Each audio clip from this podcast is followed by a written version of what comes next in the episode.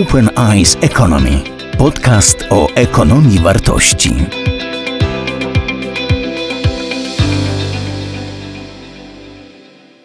Przypomniałem sobie mm, mm, rzecz, którą mi opowiadał mój e, bardzo dobry kolega, mm, z którym sporo rzeczy mm, napisałem, Duńczyk. E, On się nazywa Kai Pedersen. Opowiadał mi o historii, która pochodzi z początku lat 90. Ówczesny premier Danii nazywał się Paul Nyrup Rasmussen, e, e, socjalista. E, To nie ma znaczenia, że, że był socjalistą, to tylko dla porządku wymieniam. Zwrócił się do grupy kilkunastoosobowej, najzdolniejszych czterdziestolatków zajmujących się problematyką ekonomiczno-prawną, instytucjonalną, najwybitniejszych pokoleniu czterdziestolatków i poprosił o, ich, o wykonanie następnego zadania, żeby opracowali dokument, przed jakimi zagrożeniami stanie ład konstytucyjny Danii w perspektywie 20 lat. I to mi się bardzo utrwaliło w głowie, bo pokazywało, jaki rodzaj strategicznej, jaki rodzaj poczucia odpowiedzialności musi mieć ktoś, kto kieruje państwem i zdaje sobie sprawę, że nie tylko jego rola ogranicza się do tego, że jest jakaś kadencja, że to rola się wyczerpie, że ma uwikłania codzienne, że musi rywalizować o władzę i rozwiązywać problemy, ale że jednocześnie jego zadaniem jest przygotowywania i kolejnego pokolenia, i swojego państwa, i jego struktur do tego, by sprostało wyzwaniom, których on nie zna. A nawet nie jest czasami stanie sam ich nazwać, ale są ludzie, którzy potrafią stanowić się wspólnie i przedstawić. To potem było przedmiotem debaty e, szerszej e, e, e, w Danii. Jak patrzę na historię tego kraju, a całkiem dobrze ją znam, to oczywiście jest to inna historia Zjednoczonych, ale ten chłopski naród w ciągu stu kilkudziesięciu lat dorósł do jednej z najbardziej funkcjonalnych demokracji i wszystkie kryzysy, które Europa i kraje sąsiednie przechodzą, Duńczycy jakby przechodzą, od, będąc odporniejszymi, e, przechodząc je w sposób godniejszy, mniej presyjny. I tak sobie myślę, że to właśnie takie działania jednak budują naszą odporność. Co ty o tym sądzisz? No po pierwsze, e, dziękuję, że go przypomniałeś. E, On był premierem także wtedy, kiedy ja byłem premierem i e, współdziałaliśmy. Bardzo go sobie ceniłem i bardzo go lubiłem. Po drugie, to już jest anegdotka pewna, ale tenże Paul Nyrup Rasmussen został zastąpiony przez kolejnego Rasmussena, Fokta Rasmussena, tego, z którym kończyliśmy negocjacje akcesyjne w 2002 roku w Kopenhadze, a potem był jeszcze trzeci premier Danii, Rasmussen. Ale tamten był tak konserwatystą, ten następca. tak. Duńczycy tak się przyzwyczaili do tego, że ich premier nazywa się Rasmussen, że jak taki kandydat się pojawiał, to na niego głosowali. A, no więc e, ja z kolei jeszcze w sporym stopniu mamy e, trochę podobne doświadczenia rządowe. E, Ja mogę powiedzieć, że z tego czasu, gdy byłem e, e, premierem, pozostało mi takie przekonanie, że presja wydarzeń bieżących, popycha szefa rządu do zajmowania się sprawami drugo- i trzeciorzędnymi, a, kradnie czas niezbędny za zajmowanie się tym, czym nikt inny się z kolei nie zajmie, bo takimi kwestiami jak spojrzenie strategiczne w przyszłość może się zajmować w państwie, e, może inicjować je tak naprawdę dwóch ludzi, e, premier i prezydent, jeśli jest e, tego, e, jeśli ma odpowiedni wymiar intelektualny, polityczny, jest szanowany. Tego typu refleksja strategiczna jest absolutnie niezbędna zarówno społeczeństwom, poszczególnym społeczeństwom, jak i naszym wspólnotom, no chociażby takim jak e, e, Wspólnota Europejska, Unia Europejska, e, zwłaszcza w tak szybko i radykalnie zmieniających się okolicznościach, świecie i geopolitycznej, i technologicznej i tak dalej.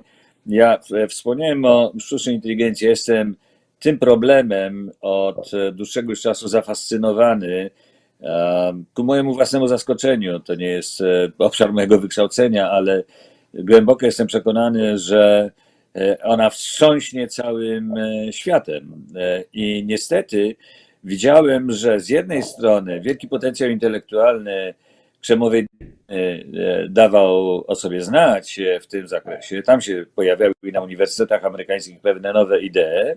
Z drugiej strony de, decyzje i świadome działania państwa chińskiego, gdzie w momencie, kiedy władze centralne uzmysłowiły sobie, jaki jest potencjał sztucznej inteligencji, stworzono warunki organizacyjne, prawne i finansowe e, bardzo silnie zachęcające do e, rozwoju własnych działań. W tym czasie Europa robiła bardzo mało, a jeżeli spontanicznie coś się tutaj rodziło, to nie potrafiliśmy bronić swojego potencjału. Na przykład całe zespoły badawcze z Wielkiej Brytanii były kupowane przez gigantów typu Google za ogromne pieniądze i zaczynały pracować dla kogoś zupełnie innego. Tej e, myśli strategicznej, chociażby w tym zakresie, nam do tej pory brakowało. Ona się teraz pojawia e, w Europie, ale niekoniecznie we wszystkich e, krajach, chociażby właśnie w, w naszym. Tej myśli praktycznie nie ma. Nie ma chęci zastanawiania się nad tym i to jest duże zagrożenie. Dziękuję bardzo na teraz. Zaraz przejdę do mojej e, drugiej części, potem znowuż do ciebie. E, Proszę Państwa, w drugiej części będę zajmował się sprawami polskimi. Też w kontekście governance, współzarządzania, współrządzenia, w kontekście właśnie porządku instytucjonalnego. E, To nie jest okładka, to jest raczej przypomnienie raportu, który ukazał się w grudniu roku 2015. E, Myśmy świadomie wybrali tą datę, bo to była data, w której e, już ukształtował się rząd, nowy rząd e, Prawa i Sprawiedliwości, wówczas na czele z Beatą Szydło. PiS przejął pełnię władzy w kraju i opublikowany został wówczas raport, który się nazywa Państwo i my, osiem grzechów głównych Rzeczypospolitej.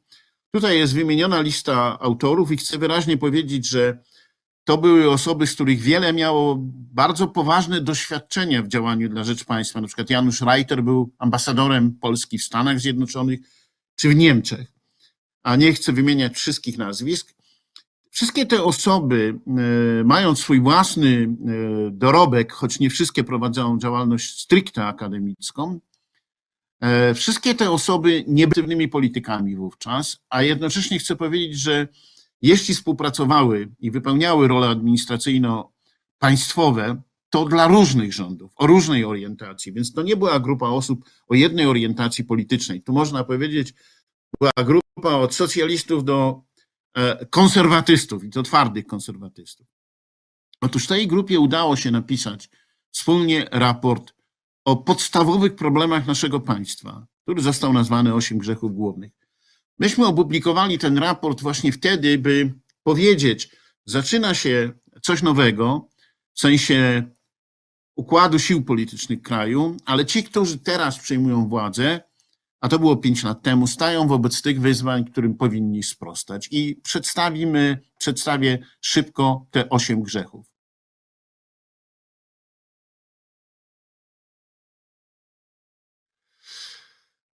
Więc e, najpierw je nazwę. Brak wyobraźni strategicznej i suwerennej myśli rozwojowej. Niezdolność posługiwania się ró- różnymi trybami rządzenia. Rozmyty ład konstytucyjny. Formalistyczny legalizm. Destrukcja sfery publicznej. Unikanie rządzenia i ucieczka od odpowiedzialności. Obywatelska pasywność i roszczeniowość. Systemowa niezdolność do, niezdolność do kojarzenia bezpieczeństwa i rozwoju. Jak później roz, na temat tego raportu rozpoczęła się dyskusja, w zasadzie tylko jeden z tych grzechów był nieco kontestowany, krytykowany, a właśnie ten siódmy, obywatelska pasywność i roszczeniowość. Wiele osób uważało, że e, to słowo roszczeniowość jest nie na miejscu. E, Ja często musiałem wyjaśnić, co znaczy roszczeniowość. To znaczy, że ludzie lokują swoje oczekiwania do zaspokojenia istotnych potrzeb nie w swoim działaniu, a w tym, że one zostaną zaspokojone za sprawą działania władzy zwierzchniej. I króciutko o każdym z tych grzechów. Co to oznacza brak wyobraźni strategicznej i suwerennej myśli rozwojowej? Grzech pierwszy. A mianowicie oznacza to, że sposób prowadzenia polityki jest reaktywny, czego symbolem była no, ta fraza e, rządu Donalda Tuska o ciepłej wodzie w kranie, że nie trzeba polityką głowy zawracać obywatelom, jeśli tylko jest ciepła woda w kranie, to, to wystarczy. Nie potrzeba podejmować żadnego wysiłku reformatorskiego, trzeba tylko zajmować się sprawami takimi wtedy, gdy tej ciepłej wody nie ma, kiedy ludzie zauważają, że coś jest nie tak. E, Donald Tusk często mówił, że jeśli ktoś ma wizję, czyli ma jakąś wyobraźnię strategiczną, niech idzie do lekarza. A więc często dominują działania doraźne, e, odcinkowe, które zamiast pogarszają sytuację. Więc drugi grzech to niezdolność posługiwania się różnymi trybami rządzenia. E, To oznacza, że mm, władza, która powinna umiejętnie posługiwać się oddziaływaniem na porządek spontaniczny, na funkcjonowanie rynku, wprowadzać rozwiązania związane ze współzarządzaniem oraz posługiwać się trybem władczym, nie potrafi przestawiać się e, na różne tryby władzy.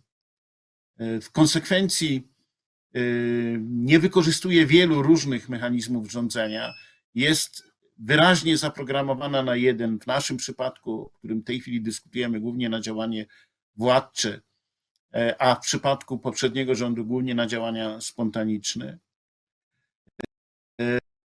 I oznacza, że polityka nie może być skuteczna. Kolejny slajd to rozmyty ład konstytucyjny. E, Chodzi o to, że wtedy, kiedy normatywność zanika, e, wprowadzany jest e, chaotyczny etatyzm. Brak jest w konsekwencji aksjologicznych podstaw działania głównych sił politycznych. Polityka jest jakby polityką na ruchomych piaskach. E, Polityką, w którym dominują doraźne partyjne interesy i konflikty, e, często motywowane bardzo osobistymi e, odczuciami, resentymentami. I nierespektowane są funkcje poszczególnych organów państwa. No na przykład może być tutaj nierespektowanie niezależności Narodowego Banku Polskiego. Drugą stroną tego rozmywania ładu konstytucyjnego jest formalistyczny legalizm, e, który przejawia się między innymi w takim magicznym myśleniu, że przepis czyni świat, przepis zmienia świat. W związku z tym mamy nadmiar legislacji, nadmiar ustawodawstwa. E, Kiedy jesteśmy zasypywani ogromną ilością nowych aktów prawnych, bardzo często nowelizowanych, co jest źródłem nieustannego zakłócenia i niepewności. Grzech, już piąty, destrukcja sfery publicznej. Chodzi o to, że słabną demokratyczne mechanizmy rządzenia. Obywatele wycofują swoją aktywność, wycofują się e, ze sfery aktywnego podtrzymywania porządku demokratycznego, co obja- ujawnia się między innymi relatywnie niskimi wskaźnikami frekwencji wyborczej e, w Polsce e, we wszystkiego rodzaju wyborach. Bardzo rzadko zdarza się taka silna aktywizacja wyborców. Przeważnie wyborcy dużej części są pasywni. Bardzo często jest też wyraźna dominacja myślenia jednostko- jednostkowego nad myśleniem wspólnotowym. Nie ma dobrze ukształtowanych relacji pomiędzy jednostkowością a wspólnotowością, o czym zresztą mówiłem na jednym z wcześniejszych wykładów. Szósty grzech, czyli unikanie rządzenia i ucieczka od odpowiedzialności. E, Tu między innymi chciałbym zwrócić uwagę na taki cyniczny rozum polityczny. E, y, Mianowicie obiecujmy ludziom wszystko, czego chcą. E, Obiecanie nic nie kosztuje, E, co bardzo często także polega na tym, że uznajemy obietnicę za spełniony fakt, że uznajemy deklaracje i zapowiedzi jako e, rzeczywistość. Obywatelska pasywność i roszczeniowość e, to jest druga strona nieodpowiedzialności postrądzących, mianowicie to, że obywatele zachowują się w sposób nieodpowiedzialny, to znaczy po prostu bardzo często łamią reguły, łamią e, normy, uważają, że skoro władza sobie na to pozwala, to dlaczego e, my mamy tego przestrzegać? Dlaczego my mam, mielibyśmy inaczej postępować? Ryba psuje się od głowy, w związku z tym także wolno to samo. I to oznacza swego rodzaju autarkię obywatelską. Jeśli już podejmujemy działania, to w akcie protestu, dopominania się o swoje, o swoje, ale nie przyjmowania odpowiedzialności za swoje otoczenie i za siebie. I grzech ósmy, ostatni, systemowa niezdolność do kojarzenia bezpieczeństwa i rozwoju. Żyjemy, o czym mówił między innymi premier Cimoszewicz, w warunkach czwartej rewolucji przemysłowej, pojawiania się form sztucznej inteligencji, cyfryzacji gospodarki. E, oczywiście, że te zmiany gwałtownie e, powodują przeoranie e, naszego życia, naszego otoczenia. To rodzi mnóstwo problemów. I teraz pytanie, jak rozumieć bezpieczeństwo? Czy bezpieczeństwo to jest tylko i wyłącznie działanie jednostronne i zabezpieczenie się, budowanie na przykład zabezpieczenia przeciwpowodziowego, czyli reagowanie na konsekwencje pojawiania się zagrożenia, czy też budujemy odporność, czyli zdolność do przeciwdziałania zagrożeniu, zanim ono wystąpi, co wymaga nowoczesności. Wymaga połączenia przemiany, przeobrażenia e, e, e, z, z nowoczesnością i bezpieczeństwa. Tego także nie potrafimy. Sumując, przekazałem Państwu, przedstawiłem główne tezy raportu, który ukazał się w grudniu roku 2015. E, raportu, który był pisany opisując to, co było przedtem, ale adresowany do tych, którzy w tym momencie obejmowali władzę, by zwrócili uwagę, jak nasze państwo jest kruche, jak odporne, jak nieskuteczne, jak nieprzygotowane do sprostania e, różnego rodzaju zagrożeniom. Formułowaliśmy ten raport jako swego rodzaju alert, ostrzeżenie, jako uruchomienie dzwonka alarmowego. Napisaliśmy też w tym raporcie, e, co to jest dobre państwo, czym się powinno charakteryzować. Minęło pięć lat i na dobrą sprawę nie ma żadnego powodu, by nie powtórzyć, że państwo nasze jest obarczone tymi samymi grzechami, a nawet mogę dodać, że one zostały w ciągu ostatnich pięciu lat pogłębione. Teraz proszę o zabranie głosu przez pana premiera Włodzimierza Cimoszewicza. To bardzo ciekawe, co w tej chwili przypominasz, ten tekst sprzed e, pięciu lat. E, mówiąc szczerze, e, kiedy po doświadczeniach ostatnich pięciu lat być może nieco idealizujemy przeszłość, e, fakt, że sformułowaliście takie oceny i takie tezy właśnie wtedy e, jest aż trochę zaskakujący. No a co powiedzieć dzisiaj, kiedy e, wiele z tych grzechów stało się grzechami do kwadratu? A rok wcześniej, przed tym, gdy swoje stanowisko przedstawiliście, przedstawiliście Obchodziliśmy 25-lecie e, trans polskiej transformacji. Zapewne pamiętamy e, rozmaite wydarzenia, w tym takie międzynarodowe spotkanie na Placu Zamkowym w Warszawie, w trakcie którego przywódcy światowi, w tym także e, Barack Obama, podkreślali ogromny sukces naszego kraju i byliśmy przekonani, że rzeczywiście udało nam się bardzo wiele. Oczywiście nie wszystko, ale bardzo wiele. Jednak jak na okres 25-lecia gruntowne przeoranie naszej gospodarki, systemu politycznego, wydawało się także wielkie przemiany społeczne w postaci lepszego wykształcenia, większej otwartości na świat, że to, że to jest wielki sukces. No i później e, niestety e, trafiliśmy pod e, zimny prysznic. Dzisiaj okazuje się, że tak dobrze nie było, przynajmniej z tego punktu widzenia, że zarówno nasze instytucje, jak i duża część społeczeństwa okazały się nieodporne na taki dyktowany e, wręcz złowieszczą, e, polityczną wolą, często bezprawny atak na system konstytucyjny, na system polityczny naszego e, kraju, a także na wspólnotę społeczną, na spójność pewną społeczną, gdy e, cynizm polityczny stał się czynnikiem najważniejszym e, wśród definiujących to, co władze publiczne zależne od rządzącej partii e, czynią. Niestety e, dzisiaj ze smutkiem musimy e, powiedzieć, że e, mamy e, taką oto sytuację, gdy głowa państwa nie jest żadną głową państwa. E, Złowieszczo przypomina się to powiedzenie o strażniku Żyrandola. A Prezydentem jest człowiek, który słucha e, w każdej sprawie cudzych poleceń. Parlament e, e, stał się całkowicie fikcyjny. Jeżeli jest w stanie w ciągu kilku godzin zmieniać system wyborczy, nie mówiąc o innych obszarach legislacji, to świadczy to wyłącznie najgorzej e, o funkcjonowaniu tego e, teoretycznie bardzo ważnego organu państwowego.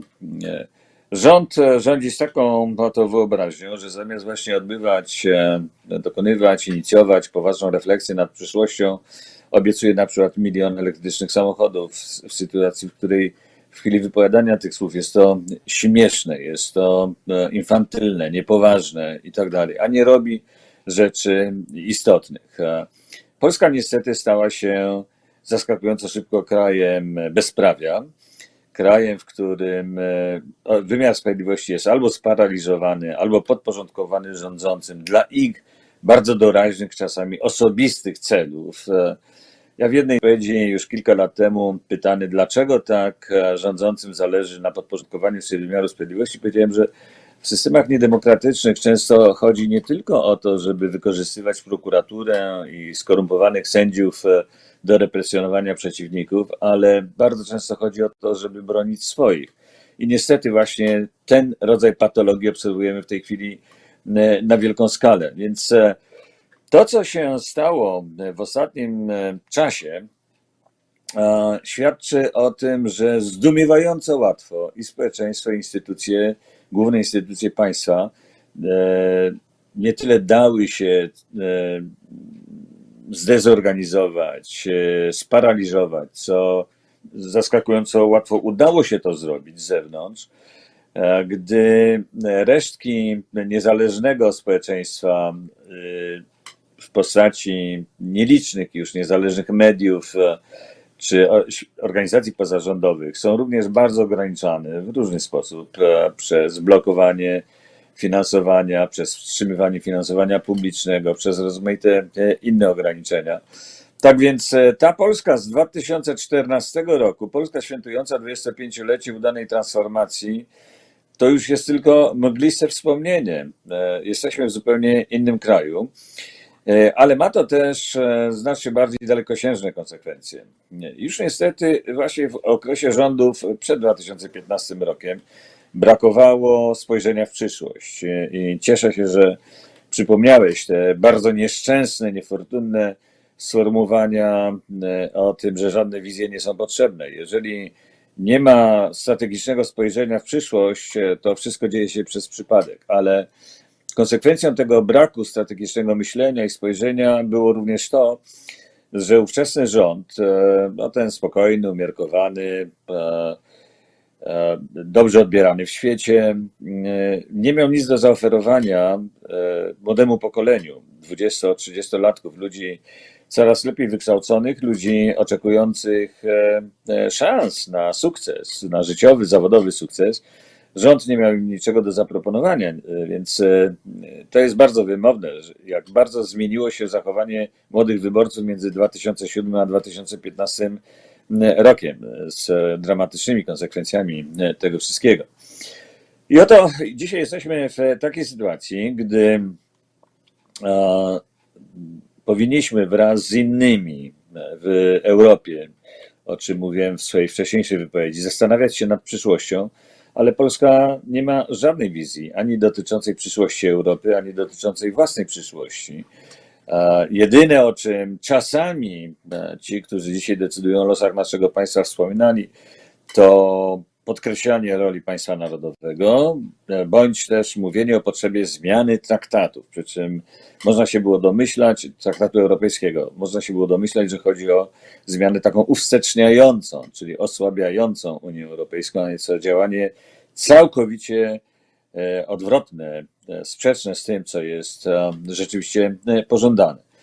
Wspominałem już też we wcześniejszej wypowiedzi, że Europa podejmuje niezwykłe wyzwania o wymiarze globalnym albo związane z tym, co się w świecie dzieje. Myślę tutaj o walce z niekorzystnymi zmianami klimatycznymi. E, Jak wiadomo, Polska e, jest e, na szczęście mało skutecznym hamulcowym. Jest w zasadzie jedynym krajem, który nie zdecydował się przyłączyć do pozostałych wtedy, kiedy takie ustalenia czyniono, gdy chodzi o zdefiniowanie celów w postaci re- zakresu redukcji emisji dwutlenku węgla do atmosfery do 2050 roku. To w Polsce opowiada się brednie e, o tym, że natura e, obdarzyła nas ogromnymi zasobami węgla i że węgiel nie, nie szkodzi, że powinniśmy nadal opierać całą energetykę e, na wykorzystywaniu tej kopaliny. Jak wiadomo, jest to po pierwsze błędne z punktu widzenia ekologicznego e, dla,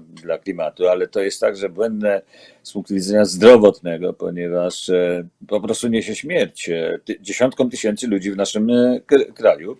Jest to błędne z punktu widzenia ekonomicznego, ponieważ będziemy płacili coraz, ponosili coraz wyższe ko- koszty wytwarzania, korzystania z energii w taki sposób wytwarzanej, z powodu e, opłat, jakie w systemie unijnym obowiązują i tak dalej, i tak e, wspominałem również, że Komisja Europejska zaproponowała rozmaite koncepcje, rozmaite działania dotyczące cyfryzacji. W Polsce cyfryzacja ogranicza się jedynie w zasadzie do rozwoju telefonii komórkowej, pewnych systemów informatycznych, ale ja nie słyszałem, nie zetknąłem się z jakąkolwiek formą debaty publicznej, a już na pewno wystąpień ze strony rządu, gdy chodzi o przyszłość związaną z, ze sztuczną inteligencją. Ni, niczego w tym zakresie nie robimy, nie tylko gdy chodzi o rozwój sztucznej inteligencji, ale gdy chodzi o przygotowanie naszego społeczeństwa i naszej gospodarki do czasów, kiedy aplikacje e, wykorzystujące sztuczną inteligencję będą e, służyły nie tylko do rozpoznawania twarzy w smartfonach. E, Nawiasem mówiąc, rządzący po cichu korzystają z niektórych aplikacji związanych ze sztuczną inteligencją, ale obawiam się, że w złowrogich celach. Oto na przykład e, nasze służby specjalne zostały wyposażone w specjalny, stworzony przez jedną z izraelskich firm system e, inwigilacji obywateli, skutecznych podsłuchów, e, podglądania naszej komunikacji internetowej i tak Sztuczna inteligencja niesie także zagrożenia skwapliwie wykorzystywane przez systemy autorytarne. No, chociażby system rozpoznawania twarzy służy inwigilacji milionów ludzi, setek milionów ludzi, e, na przykład w Chinach. I może to samo dziać się u nas. Tak więc e, przy osłabieniu społeczeństwa obywatelskiego, przy e, faktycznym zlikwidowaniu samodzielności naszego parlamentu, przy braku e, jakiejkolwiek rzetelnej, pogłębionej debaty. Niestety opozycja bardzo często e, prowadzi również politykę reaktywną i odnosi się tylko do tego, co robią rządzący, a nie, nie, nie inicjuje e, żadnej poważnej, poważniejszej refleksji e, sama e, w, wymiarze publicznym, w wymiarze społecznym. W tych, w tych okolicznościach niestety e, całkowicie lekceważymy konieczności czasu.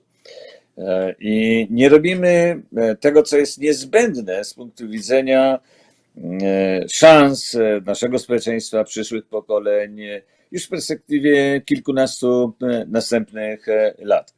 Ja po raz pierwszy od 23 lat, od 97 roku, gdy mm, weszła w życie nowa konstytucja, której mam honor być jednym z autorów, publicznie gotów jestem przyznać, że widzę potrzebę debaty konstytucyjnej. Do tej pory uważałem, że tak nie należy postępować, że konstytucja jest swoistą świecką świętością, że samoistną wartością konstytucji jest jej trwałość, ale ta zaskakująca łatwość, z jaką złowrogie siły polityczne potrafiły podbić instytucje państwa, te, które powinny się cechować niezależnością, ta zdumiewająca łatwość, z jaką likwiduje się układ konstytucyjny bez użycia e, siły fizycznej, e, przez e, brutalne nadużywanie siły politycznej czy siły parlamentarnej, to wszystko wymaga refleksji i trzeba się zastanowić, w jaki sposób uodpornić instytucje e,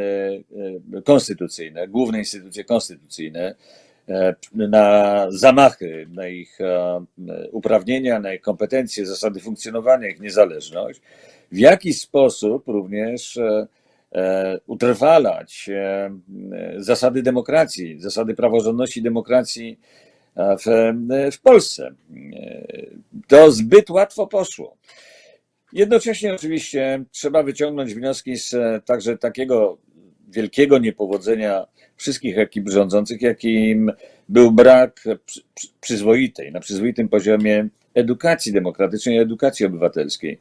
Demokracja bez e, demokratów, bez e, obywateli rozumiejących funkcjonowanie państwa, rozumiejących, co od nich zależy dzisiaj i za 10 i 20 lat, to trochę jak naładowany, nabity pistolet w rękach dziecka. E, Ona może być wykorzystana bardzo niecnie i dzisiaj jesteśmy tego świadkami.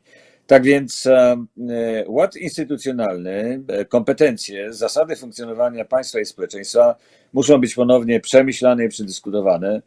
I do tego między innymi powinny prowadzić, służyć analizy patologii, jakie występują w naszym państwie e, i społeczeństwie. Dziękuję bardzo.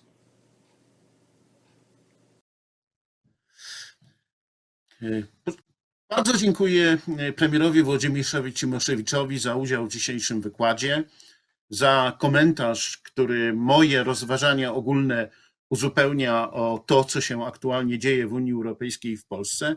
A przejdźmy teraz do konkluzji wykładu.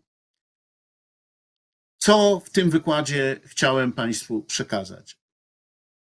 Po pierwsze, że współczesne państwo działa w systemie silnego, funkcjonalnego zróżnicowania. Że to zróżnicowanie, e, czyli powierzanie różnym organom państwa różnych funkcji, dekoncentracja i centralizacja władzy jest warunkiem jego skuteczności, jest warunkiem wykorzystania potencjału rozwojowego danego państwa. Po drugie, że hierarchia niewątpliwie ułatwia utrzymywanie stabilności systemu, ale nie jest wystarczająca dla jego rozwoju, dla jego dostosowania, dla jego przestawiania się. Yy, Ta, to potrzebne zmiany społeczne nie będą mogły się dokonywać, yy, który w taki sposób, który pozbawia autonomii wielu różnych autorów, aktorów, a dostosowanie się jest coraz bardziej konieczne i częstsze w warunkach takich zmian technologicznych, o których mówiliśmy. Agenda państwa nie może być przeciążona. Nie może wszystko spoczywać w jednym ośrodku władzy. Nie może być skoncentrowane w jednym punkcie, bo prędzej czy później inni uciekają od odpowiedzialności, asekurują się, e, myślą o swoim bezpieczeństwie, a nie o podejmowaniu działania. A to oznacza, że e, zdolność państwa do i ustabilizowania systemu, i jego rozwijania słabnie. Państwo nie może przyjmować na siebie obowiązków i zobowiązań, których wypełnić nie zdoła. Jeśli tak działa, to podważa swoje społeczne ukonstytuowanie, prowadzi do własnego rozkładu, niszczy tkankę zaufania społecznego i aktywności obywatelskiej. Polityka jest potrzebna po to, by połączyć kategorie pragmatyczne i aksjologiczne. A więc nie możemy rezygnować z operacyjnego, sprawnego działania, ale potrzebujemy też refleksji, dyskursu i odwoływania się do wartości, rozumienia wartości, do porządku wartości. Polityka nie może być tylko techniczno-biurokratyczna i partyjna. Musi być także publiczna i obywatelska. W naszym kraju bardzo polityka została właśnie zdominowana przez partyjność, przez podejście techniczno-biurokratyczne. Poważnie, jeśli traktujemy koncepcję governance, to tworzymy podstawę do aktywności i optymizmu. Ja bardzo często spotykam się z tym, że moje wypowiedzi moje rozumowanie jest właśnie rodzajem pewnej, być może nawet utopijnego optymizmu. Ale ja uważam, że jeśli nie będziemy wierzyć w to, że poradzimy sobie, jeśli będziemy uważali, że jesteśmy skazani na porażkę, to oczywiście taka porażka będzie następowała i nie będziemy w stanie przeciwdziałać różnym dysfunkcjom systemu społecznego. A więc nie wierzę w to, że jesteśmy, jak często niektórzy e, badacze społeczni twierdzą, skazani jedynie na taką ironiczną postawę. Możemy patrzeć, przyglądać się upadkowi świata, a nie możemy mu zapobiegać. Uważam, że możemy zapobiegać. Na dzisiejszy, w dzisiejszym wykładzie, którego gościem był Włodzimierz Cimoszewicz, za co mu bardzo dziękuję, mówiłem o governance jako współrządzeniu, o rządzeniu. E, Mówiłem o tym, dlaczego społeczna zmiana właśnie przy tym trybie działania jest możliwa, na czym polega, że koncentrować ta zmiana musi się na rozpoznawaniu dysfunkcji, na stawianiu dylematów, rozstrzyganiu dylematów i podejmowaniu działań jako następstwo tego rozstrzygnięcia. Mówiliśmy dzisiaj o problemach związanych z funkcjonowaniem Unii Europejskiej, ładu instytucjonalnego. Mówiłem także Włodzimierz Cimoszewicz o problemach naszego kraju, ja szczególnie o ośmiu grzechach głównych Rzeczypospolitej i mówiłem o relacji pomiędzy governance i polityką, prowadzeniem polityki. Proszę Państwa, dziękuję za dzisiejszy wykład. Dziękuję za uwagę. E, Zapraszam na następny wykład, który będzie za tydzień. Kultura jako ścieżka wyjścia z kryzysu. Moimi gośćmi będzie pani Marianna Potocka, e, która jest dyrektorem Muzeum, Muzeum Sztuki Współczesnej Mocak, pan Robert Piaskowski, pełnomocnik prezydenta miasta Krakowa do spraw kultury i pan Michał Rusinek, prezes Fundacji Wisławy Szymborskiej, pisarz. I tradycyjnie zapraszam na Open Eyes Economy Summit, który odbędzie się ciągle, mam nadzieję, w listopadzie w Krakowie. Dziękuję Państwu za uwagę.